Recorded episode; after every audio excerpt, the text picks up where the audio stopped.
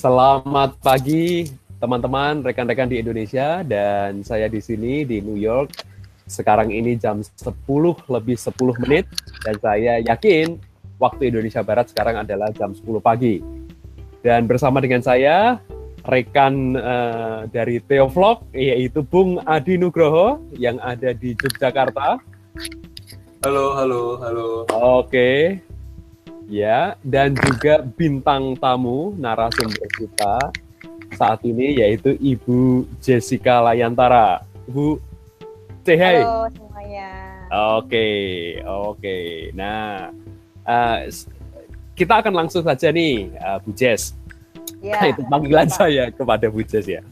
ya uh, ini kan kita mau ngobrol-ngobrol tentang apa? Tentang tentang uh, pokok yang hot gitu tentang betul, betul. problem problem evil, problem problem kejahatan. Ya. Nah, uh, pertanyaan saya pertama-tama adalah mengapa Bu Jessica itu meminati tema ini? Ada latar belakang apa sehingga tema ini menarik untuk Bu Jessica? Lalu ya. uh, yang selama ini sudah disajikan itu kenapa tidak memuaskan? Nah, silahkan Bu Jess, itu dulu. Ya, oke. Okay. Ya mungkin kalau orang bertanya kepada saya ya, kenapa kok uh, Bu Jessica pengen uh, untuk apa mengambil topik problem of evil gitu ya? Apakah yep. Bu Jessica sendiri pernah menderita ataukah pernah terkena kejahatan yang luar biasa gitu ya? Yep. Itu mungkin orang berpikir seperti itu gitu. Tapi sebetulnya Ya, sebetulnya awalnya saya uh, berpikir untuk mengambil topik ini tuh sebenarnya hanya karena problem filosofis sebetulnya. Ya, sebagaimana Keren. seperti yang uh, filsuf-filsuf kuno sudah pernah memunculkan ya bahwa uh -huh. kalau misalkan Tuhan itu baik, kalau mm-hmm. Tuhan itu maha kuasa, kenapa kok ada mhm. kejahatan? Apakah Tuhan mm-hmm. kita itu tidak maha baik? Ataukah mm-hmm. Tuhan kita itu tidak maha kuasa? Atau bahkan kalau ditarik lebih jauh, justru apakah Tuhan itu tidak ada seperti itu? Jadi sebenarnya pertanyaan-pertanyaan saya mengenai hal ini itu yang membuat saya tertarik untuk uh, mengeksplor uh, topik problem of evil seperti itu. Nah kemudian yang pertanyaan kedua, kenapa selama ini jawaban-jawabannya belum memuaskan? Betul ya, seperti itu ya Pak ya? Hmm, hmm, hmm, ya, jadi uh, sebetulnya awalnya saya uh, mendalami topik ini itu memang secara serius waktu saya uh, mengambil S2, khususnya mm -hmm. saat saya menulis tesis ya. Mungkin kalau beberapa sudah pernah uh, membaca, itu juga sudah uh, ada sebagai artikel, uh, uh, maksudnya dia dipendekin sebagai artikel itu di STT Amanat Agung jurnalnya. Nah, nice. di situ saya uh, mengeksplor mengenai John Calvin ya, bagaimana uh, seorang John Calvin itu melihat problem of evil atau bagaimana sih dia menjawab problem-problem kejahatan. Nah, kalau misalkan kita uh, sudah membaca, tentu kita tahu bahwa John Calvin itu memegang paham yang orang-orang percaya sebagai yang namanya determinisme atau semuanya itu ah. sudah ditentukan ya sejak awal oleh Tuhan. Hmm. Tapi ketika saya mengeksplor lagi, ketika saya menulis tesis itu ketemu bahwa uh, John Calvin itu sebenarnya lebih kepada soft determinism atau compatibilism ya di situ uh, bukan menemukan jawaban yang pasti ya terhadap problem of evil, tapi hmm. memberikan pertanggungjawaban filosofis ya. Hmm. Uh, di situ uh, kenapa kok Tuhan mengizinkan dan segala macam segala macam. Nah itu saya berada di posisi compatibilism, di mana Tuhan hmm. menentukan segala sesuatu, tetapi manusia itu juga memiliki tanggung jawab di situ. Nah itu jawaban saya sementara. Nanti uh, kalau kita explore lagi kita akan menemukan kenapa kok itu tidak memuaskan saya sampai saat yep. ini saya terus mengeksplor mengenai hal ini seperti itu. Iya, iya, iya, iya.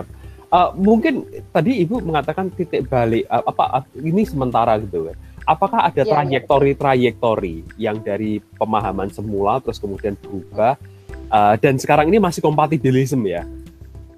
Uh, atau begini, atau begini, ya. atau begini, ya, ya. Dari posisi Bu Jessica apa pun itu tidak tidak tidak mau eksplisit juga nggak apa-apa, atau hmm. uh, uh, buku-buku apa, tulisan-tulisan siapa begitu yang sekarang ini dibaca dan dan memercikkan gagasan-gagasan uh, yang baru uh, terhadap yeah. atau untuk menjawab masalah problem of evil ini.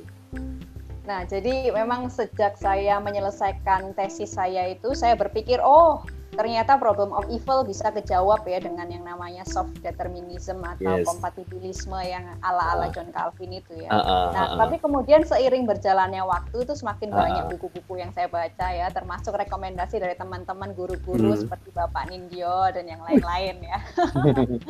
ya, di situ uh, saya menemukan dan tentu saja ya awalnya kan saya tadi bilang bahwa itu problem filosofis ya kenapa yeah, kok saya yeah, itu jadi yeah, kayak yeah. tertarik tapi uh, yeah. ke sini ke sini eh saya menderita beneran gitu pak maksud saya adalah saya benar-benar mengalami yang namanya uh, pergumulan hidup penderitaan dan kemudian saya kembali bertanya apakah betul ya uh, apa yang selama ini saya sudah yakini seperti itu. Nah, kompatibilisme hmm. atau segala macam itu sebenarnya pandangan-pandangan yang pernah saya explore itu sebenarnya berhenti di satu jawaban yaitu greater yeah. good theodicy. Yaitu okay. Tuhan itu sudah uh, menyiapkan hal yang terbaik gitu ya. Ada ada kebaikan yang lebih tinggi itu hmm. dibalik semua peristiwa penderitaan. Tetapi di satu titik saya menjadi uh, bertanya-tanya, apakah greater good, good theodicy itu bisa menjawab uh, horrendous evil, radical evil, atau hmm. disebut sebagai kejahatan-kejahatan yang kalau dalam terjemahan saya yeah. kejahatan tanpa ampun Hmm, hmm, kejahatan hmm, tanpa ampun itu bukan berarti kejahatan yang dalam skala massal atau seperti apa, tetapi yang dimaksudkan dengan kejahatan tanpa ampun di sini menurut hmm. definisinya uh, Wendy Farley gitu ya, hmm, dan hmm. juga uh, Mary McCord Adam sebenarnya hmm. Uh, kejahatan tanpa ampun atau horrendous evil itu adalah ketika orang mengalami penderitaan itu dia menjadi mati rasa Hmm. Mati rasa, tidak mampu memaknai dan benar-benar kehilangan makna hidup. Hmm. Hmm. Hmm. Nah, jadi radical evil itu men, uh, menimbulkan satu efek yang luar biasa yeah. yang tadinya hmm. orangnya kayak gini bisa berubah 180 yeah. derajat jadi yeah. orang yang seperti ini gitu. Kehilangan makna.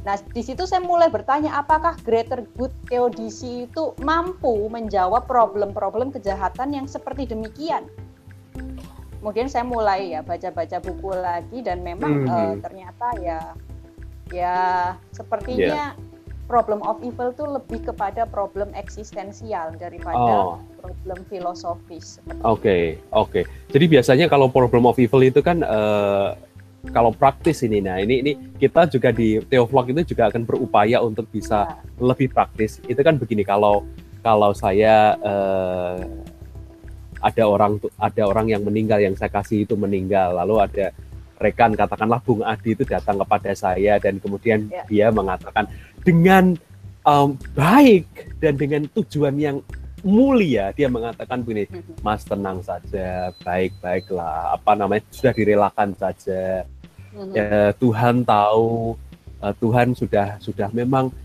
waktunya begitu kan dan apa namanya ini ada ada rencana yang Tuhan itu sudah tetapkan sudah persiapkan demi hmm. kebaikan Mas juga begitu.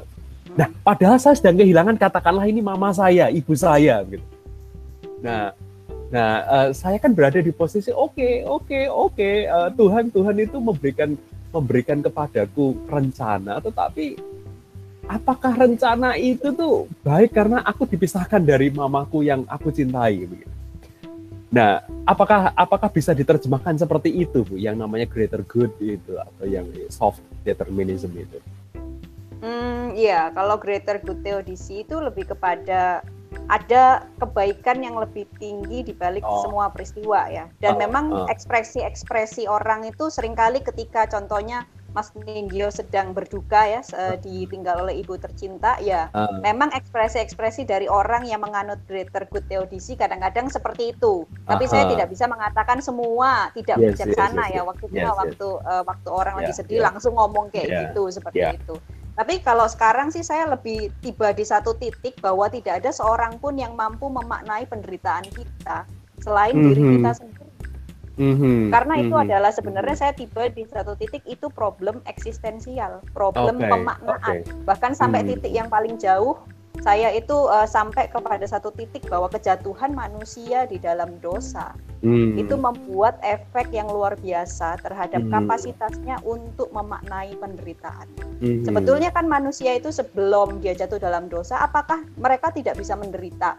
Hmm. Saya yakin bisa menderita karena mereka hmm. adalah makhluk yang memiliki uh, will, hmm. Perasaan, memiliki akal budi seperti itu kan. Tetapi efek dosa ini luar biasa sehingga apa yang menjadi penderitaan manusia itu menjadi hmm. kehilangan makna. Orang hmm. jadi tidak dapat memaknai hmm. penderitaan itu. Nah, oleh sebab itu makanya semua uh, apa ini pembelajaran saya atau eksplorasi saya sampai saat ini berhenti di yang namanya inkarnasi Kristus. Oh, Jadi gimana itu? Kristus itu hmm. adalah yang apa bisa relasi inkarnasi makna. Kristus dengan penderitaan ini menarik. Oke, ya tadi seperti yang saya tadi udah jelasin bahwa Aha. manusia itu kan memiliki kapasitas untuk uh, untuk menderita sebelum jatuh dalam dosa pun sebenarnya manusia itu sudah memiliki potensi untuk menderita. Oke. Okay. Kenapa saya okay. mengatakan seperti itu? Karena ada penderitaan-penderitaan yang tidak selalu disebabkan oleh dosa. Hmm. Itu kesimpulan saya ya hmm. sampai saat ini. Ada penderitaan hmm. yang tidak disebabkan oleh dosa dan juga orang yang menderita itu tidak selalu adalah orang yang berbuat dosa. Hmm. Nah, jadi saya menyimpulkan bahwa ya sebelum manusia jatuh dalam dosa dia sudah bisa menderita. Cuman dosa memberikan efek yang luar biasa di mana manusia kehilangan potensinya untuk memaknai penderitaan. Nah, ketika Masih. Tuhan Yesus berinkarnasi, nah seperti yang uh, diajarin sama Mas Nindyo ya tentang Loh, Bonaventura ya. Bonaventura kan mengatakan bahwa tidak mesti ada oh, dosa bagi Tuhan Yesus baru Tuhan hmm. Yesus inkarnasi kan. Tidak perlu ada dosa baru Tuhan Yesus turun. Inkarnasi Kristus itu bukan plan B-nya Tuhan, kan seperti uh, itu. Nah, ini uh, sama seperti uh, itu hmm. juga. Jadi inkarnasi Kristus itu sebenarnya mau memberikan teladan dan contoh bagi manusia bagaimana Allah itu menderita dan dapat memaknai penderitaannya tersebut. Tetapi hmm. karena ada dosa tersebut, motif inkarnasi tersebut bertambah hmm. juga, di mana hmm. dia mengalahkan yang namanya dosa di mana kita itu uh, karena dosa tidak mampu memaknai penderitaan. Hmm. Oleh sebab itu Tuhan Yesus mati buat kita, Tuhan Yesus hidup dan mati dan bangkit ya buat kita ya supaya orang-orang yang menderita ini bisa mengemba mengembalikan potensinya untuk memaknai penderitaan. Hmm. Nah, hmm. satu pertanyaan lagi nih, mungkin setelah ini tadi boleh boleh tanya nih untuk mengeksplorasi. Mungkin agak aneh ya Pak ya maaf ya. Soalnya ini kan namanya kesimpulan se uh, sementara ada, ya ada. karena habis belum belum final ya iya, ini. Enggak apa-apa Bu. Justru ini akan iya. memacu memicu dan saya juga belajar dari dari percakapan kita ini untuk iya, mengeksplorasi saya takut juga. dibilang sesat soalnya. Dosen saya yang namanya Elizabeth Johnson Bu mengatakan begini. Nah, itu dia tuh, itu tuh salah satu yang bikin saya kayak gini gitu ya. mengatakan begini. Uh, apa itu hanya ada dua heretics gitu kan. Dan semua orang itu heretics. Hanya uh. yang satu dia hmm. bisa menerangkan dengan argumentasi yang baik, yang satunya gagal, nggak bisa nerangin. Gitu. Tapi sama-sama heretik, semuanya heretik gitu kan. Ya, ya, ya. Nah, jadi jadi nggak apa-apa. Jadi jadi biarkan ini ini apa namanya uh, kita belajar bersama-sama bahwa ini adalah posisi yang yang kita sedang gumuli bersama-sama dan itu fair. Ya kan. Nah sekarang saya bertanya begini pada Bu Jessica tadi kan Bu Jessica mengatakan bahwa uh, ketika seseorang itu mengalami penderitaan posisi sementara saat ini uh, dia akan lebih men, merenungkan secara eksistensial penderitaan tersebut gitu kan. Jadi teodise itu adalah sebuah respons eksistensial atas keadaan uh, penderitaannya pada saat ini. Nah pertanyaan saya uh, saya geser ke teologis lalu di mana Allah dalam keadaan yang seperti itu? Manusia yang sedang menderita di mana Allah di mana Allah saat iya. manusia ya. menderita. Iya, begitu. Itu kan pertanyaannya yang yang sering, sering, sering kali muncul. Sementara Bu Jessica hmm. tadi mencoba meng, uh, mempropos, mem, mem, memberikan alternatif. Ini tanggapan eksistensial dari orang yang menderita. Nah, lalu kalau pertanyaannya uh, klasik, di mana Allah? Begitu. Bagaimana? Mungkin kalau ditanya di mana Allah ya tetap ada di situ ya. Allah itu hmm. tetap ada di situ Hmm. Cuman mungkin yang jadi pertanyaan apakah Allah itu tertawa di atas penderitaan kita kah? Hmm. Atau Allah itu menikmati penderitaan kita kah? Exactly, exactly. Atau yeah, yeah, Allah yeah. itu ikut menderita saat kita menderita pula? sebenarnya itu yang menjadi pertanyaan kan. You apakah Allah Ya. Apakah Allah menentukan gitu kan segala uh, sesuatu? Uh, Dan ketika ia menentukan itu, apakah dia sedang tertawa yeah. di atas penderitaan kita, yeah. ataukah dia ikut menderita? Yeah. Kalau keyakinan saya sampai saat ini adalah dia ikut menderita. Oke, okay. iya, yeah, iya. Yeah. Tetapi tentu saja ya ya kita tidak bisa menyamakan penderitaan Allah dengan penderitaan manusia ya tentu yeah. dalam derajat yang berbeda seperti hmm. itu pak. Cuman hmm. saya tidak berpikir bahwa Allah itu adalah Allah yang ketika melihat manusia menderita kemudian dia itu senang gitu ya hmm. dan menunjukkan kuasanya lewat hmm. lewat dia mengizinkan penderitaan gitu. Hmm. Ya bukan Allah yang seperti itu karena dia itu kan hmm. maha kasih ya. Hmm. Seperti hmm. itu. Hmm. Hmm. Itu sih pak. Uh, ya, uh, Bung Adi mau mau bertanya dulu atau mau mengayakan diskusi silahkan. Aduh. Iya, iya. Ada dua pertanyaan sih. Uh, yang pertanyaan Waduh. pertama. Dua lagi, kenapa nggak satu aja? dua dulu. uh, saya mewakili kaum kaum awam nih karena yang dia teoplok kan juga ada kaum awamnya gitu. Saya uh, juga awam. saya saya juga awam. apa itu teodise itu kan itu apa ya? Hmm. Itu Iya. Oh, Oke. Okay. Ya, apa bisa itu dijawab dulu Ibu. Itu waktu dia bertanya uh, um, internetnya sedang down. Tadi internet Anda sedang down tadi. Setelah apa itu teori? Oh iya, iya. Pertanyaan kedua? Oh ya, yang kedua.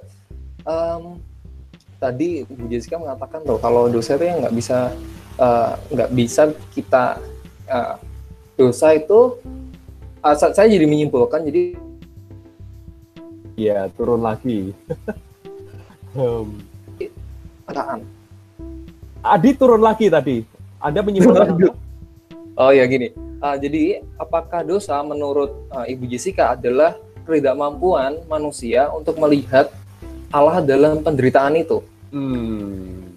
Yep. Atau gimana? Gitu. Yep. Silakan Bu Jessica. Oke, yang pertama teodicea itu apa ya? dari yeah. kata teos sama dike yaitu uh -uh. kebenaran Allah sebenarnya ya. Uh. Uh, sebenarnya ini adalah respon dari teologi bagaimana Allah itu tentu saja ketika melihat penderitaan itu diserang ya. Apakah Allah itu maha baik? Apakah Allah itu maha kuasa? Jadi teodise itu merupakan ya bagaimana teologi itu menjawab ya menjawab hmm. problem-problem hmm. filosofis seperti itu. Tapi uh, ya saya sedikit mungkin uh, meralat ya. Tadi kan uh, Pak Nindyo mengatakan bahwa apa yang saya sedang kerjakan itu termasuk teodicea ya. Hmm, iya, iya. Iya, tetapi kalau kita melihat sejarahnya di mana teodicea itu sempat ditolak ya khususnya setelah kejadian Holocaust itu uh, betapa banyak korban yang jatuh ya karena peristiwa itu. Hmm. Jadi muncul yang namanya anti teodice ya. Mm-hmm, mm-hmm. di mana orang-orang sudah tidak lagi mempercayai bahwa uh, problem of evil itu dapat dipecahkan ya secara teologis maupun secara yeah. filosofis. Nah, saya yeah. juga bukan anti teodisi, saya juga mm. bukan teodisi, yeah. tapi uh, karena itu semua berhubungan sama yang filosofis-filosofis. Kalau yang sekarang ini memang lebih kepada yang problem eksistensialnya yang kita okay. uh, gumuli ya, yang sedang hmm. kita mau ini gitu. Yeah. Kemudian yang kedua adalah pertanyaannya apakah dosa membuat manusia menjadi tidak dapat memaknai penderitaannya? Iya, saya pikir itu adalah apa yang tadi saya sudah jelaskan. Mm-hmm. Ya, memang manusia eh, ketika mereka jatuh dalam dosa maka mereka tidak mampu memaknai mm. uh, penderitaannya. Dalam arti tidak mampu memaknai ini adalah lepas daripada apa yang Tuhan mau mereka maknai seperti itu ya. Hmm, ini ini ini yang jauh ini, lepas ini dari inkarnasi Kristus itu. Inkarnasi Kristus hmm. itu kan sebetulnya makna dari semuanya. Uh, kalau dikerucutkan, jadi dosa adalah ketidakmampuan manusia untuk uh, apa ya menemukan Allah dalam penderitaan, gitu. Ya, ya betul. Oh, oke. Okay. Um, Ya, eh, menjawab Adi juga, eh, sebenarnya teodicee betul yang dikatakan oleh Bu Jessica, diambil dari kata theos dengan decay, dan decay bisa disebut uh, diterjemahkan sebagai kebenaran atau keadilan. Jadi bicara yeah. mengenai teodise berarti memposisikan Allah di tengah-tengah ke keadilan atau kebenaran. Yeah. Khususnya pada waktu apa namanya ketidakadilan itu sedang terjadi. Hmm. Jadi khususnya pada waktu uh, apa itu gempa di, di di Lisbon, di Lisabon itu kan pada tahun 1700 700-an 1700-an sekian gitu.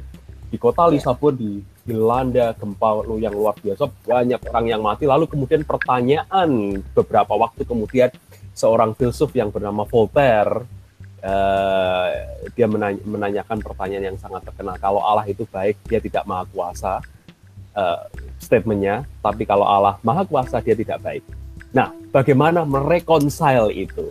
Nah, itu yang terus kemudian bertahun-tahun teodike itu dikembangkan. Nah, istilah teodike itu sendiri muncul pada tahun 1710 oleh Leibniz, Leibniz. gitu kan. Gottfried Leibniz 1710. Nah, akan tetapi yang tadi juga sudah disinggung oleh Bu Jessica, khususnya pada waktu Holocaust, Perang Dunia Kedua, jutaan orang Yahudi dibantai, maka para uh, pemikir-pemikir uh, khususnya yang internal dari orang-orang Yahudi kemudian tergoyang mereka dan terguncang kalau Allah baik kenapa umatnya mereka percaya Israel adalah umat Allah dibiarkan menderita sedemikian rupa. Nah sehingga ada respons kontra Theodise bahwa kita tidak perlu melihat Allah dan membela Allah begitu kan? Karena kalau kita membela Allah kebenaran Allah keadilan Allah lalu bagaimana keadaan kita? Begitu istilahnya begitu kan? Maka misalnya um, uh, novelnya Elie Wiesel itu yang sangat terkenal uh, malam judulnya Night. Uh, ada anak yang digantung dan kemudian anak itu sedang meronta-ronta lalu si Eli itu melihat dari teman lalu dari belakangnya ada orang bertanya di mana Allah Lalu ada yang menjawab, Allah tidak ada di mana-mana, kita melihat Allah yang sedang digantung itu. Nah, dari situ. Dari situ kemudian muncul perkembangan-perkembangan teologi sehingga uh, saya ingat juga beberapa waktu yang lalu ada seorang dosen saya yang menulis buku ini. The Evils of Theodicy. Hmm. Gitu. Nah, tapi sekali lagi uh, uh, uh, ini ini ini dis, debat dan diskusi yang yang lebih lanjut. Uh, silahkan bisa dikembangkan lebih lanjut. Tetapi paling tidak kalau saya melihat ada tiga respons. Kalau Bu Jessica tadi sudah mengatakan ada ada uh, Elizabeth Johnson, ada uh, Mary apa namanya McCord Adams. McCord Adams dan juga Bonaventura. Nah, kalau dosen saya uh, di buku ini Quest for the Living God, dia menyebutkan ada tiga orang, yaitu Jürgen Moltmann, yang hmm. kedua Dorothy Sole, dan yang ketiga Johann Baptist Metz. Begitu. Nah ini responsnya berbeda. Uh, Jürgen Moltmann melihat bahwa Allah itu uh, turut menderita. Trinitas itu adalah Allah yang turut menderita. Hmm. Um, Soleh juga melihat penderitaan Allah, begitu kan, suffering of God, gitu kan, God who suffers. Tapi Matt menolak. Kalau kita melihat Allah apa namanya terlibat, lalu bagaimana kita punya keyakinan katakanlah gitu bahwa Allah itu akan menolong kita. Yang justru penting adalah memori, memoria passionis itu istilahnya. Kita mengenang penderitaan Kristus, kita mengenang juga penderitaan orang-orang yang menderita bersama-sama dengan kita gitu kan ya bersama-sama dengan eh, orang-orang uh, yang menderita. Nah, ketika ketika kita mengenang itu kemudian muncul apa namanya uh, uh, hasrat gelora semangat revolusioner bahwa kejahatan itu tidak boleh dibiarkan. Nah, hmm. itu sih seperti itu. Nah, ya. ini ini percakapan yang sangat menarik Bu Jessica satu menit kalau mau di, di uh, menyampaikan sesuatu mau boleh atau kalau tidak, kita tutup. Menyampaikan sesuatu apa nih Pak?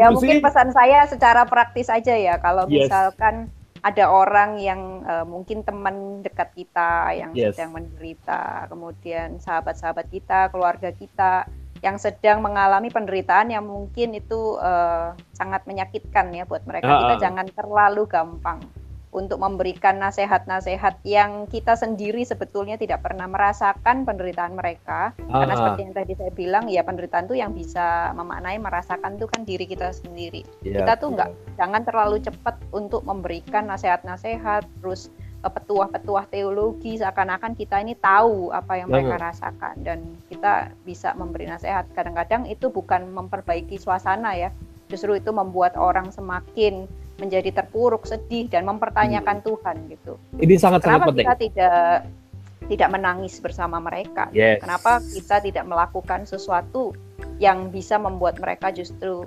encourage gitu. Saya yes. juga menceritakan nih ngomong ini ke depan murid-murid saya juga gitu dan yeah. mahasiswa-mahasiswa saya pun mengakui bahwa Bu benar ketika saya ngerasa sedih ada yang namanya penghibur-penghibur sialan Bu katanya gitu ya seperti yang di Ayub gitu kan di mana mereka itu tidak tahu apa yang saya rasakan tapi hanya mampu mengatakan sesuatu yang mereka sendiri padahal tidak mengerti seperti itu. Jadi itu saja sih yang ya. menjadi penyampaian saya. Terima kasih. Hmm. Ini sangat praktis dan sangat penting. Bu Jessica, saya saya mau menambahkan Ibu menyebut tentang Ayub tadi. Dan yang hmm. menarik, sebelum terjadi debat teodise itu, ini yang menarik. Ya. Tujuh hari tujuh malam teman-teman Ayub itu duduk diam bersama-sama dengan Ayub. Hmm. Itu bagi saya tidak pernah ada pastoral yang lebih baik daripada itu. Gak ada seorang pastor yang duduk tujuh hari tujuh malam bersama orang yang menderita. Tapi yeah. begitu satu kalimat itu keluar dari mulut manusia, jadilah perkara. Maka dari pasal 2 sampai pasal 30 eh, mas, sampai pasal 40 hebatnya luar biasa ya kan? Eh, itu yang terjadi di Ayub. Oke, uh, waktu kita pendek sekali dan terima kasih Bu Jessica sudah bersama-sama dengan kita. Ini sama-sama uh, saya merasa terhormat sekali, sekali ya. Kami yang banyak belajar dan juga pasti teman-teman akan banyak belajar tentang tema dan pokok yang penting ini.